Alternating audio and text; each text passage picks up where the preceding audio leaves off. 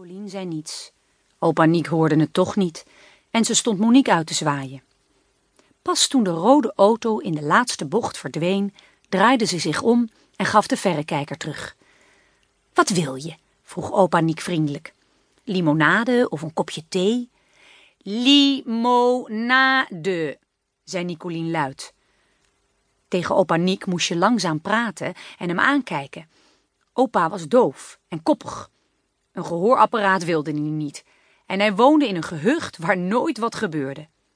Gelukkig had Monique gezegd dat Nicolien geen lof of griesmeel lustte. Als opa dat gehoord had tenminste.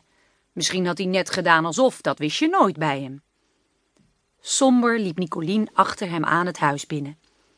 Het huis was niet alleen klein, het stond ook boordevol met oude troep. Donkere meubels, grote en kleine kasten, een ronde en een rechthoekige tafel, leunstoelen, een piano, boekenkasten en wel vijf schemerlampen. Waar je ook keek zag je opgezette vogels. Aan de muur, op al die kasten, op de televisie en de radio. En vooral in opa's studeerkamer, waar hij vroeger vogelboeken had geschreven. Opa had al die vogels doodgevonden in het bos, de weilanden of het water. Hij had ze ook zelf opgezet. Nicolien had het vaak gezien. Opa sneed dan met een mesje de borst van de vogel open en trok alles wat onder de verenhuid zat eruit. Het ergst vond ze dat hij die bloederige klomp dan aan de hond gaf. Opa, je moet dat begraven, zei ze dan. Ben je gek? Dat is toch zonde? Jij eet toch ook dode kip? Nicolien werd opnieuw misselijk nu ze eraan terugdacht. Bas, de grote zwarte labrador, kwam kwispelend naast haar lopen. De hond was dol op haar. Nicolien liep graag met hem de weg af naar de molen. Ze gooide dan een tak of een bal waar Bas als een gek achteraan ging. Met de hond kon je tenminste spelen.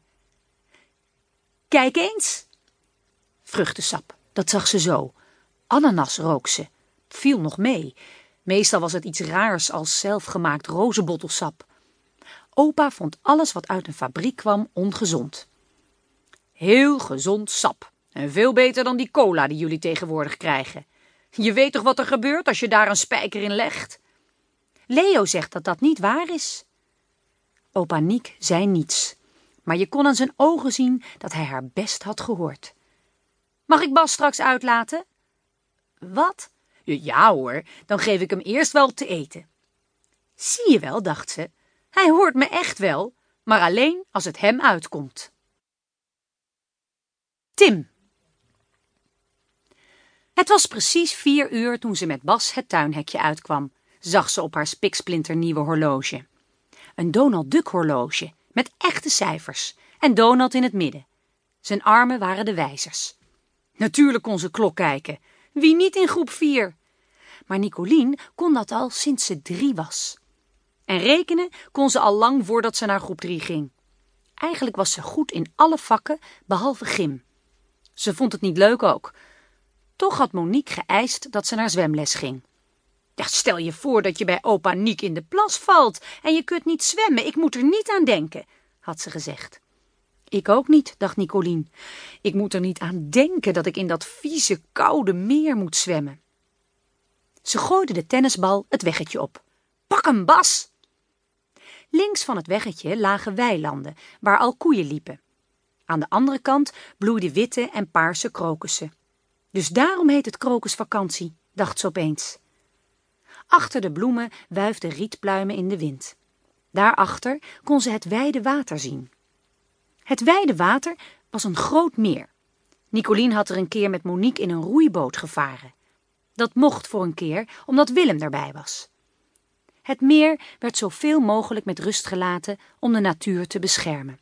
De boswachter was de enige die soms het meer opging in een roeiboot. Eigenlijk kon je er niet eens goed varen, herinnerde Nicolien zich nu ze hier weer liep. Overal dreven planten op het water, zo dik als vloerbedekking. Dat was zo bijzonder hier, had opa Niek later verteld. Zulke enorme matten van waterplanten kwamen bijna nergens anders voor.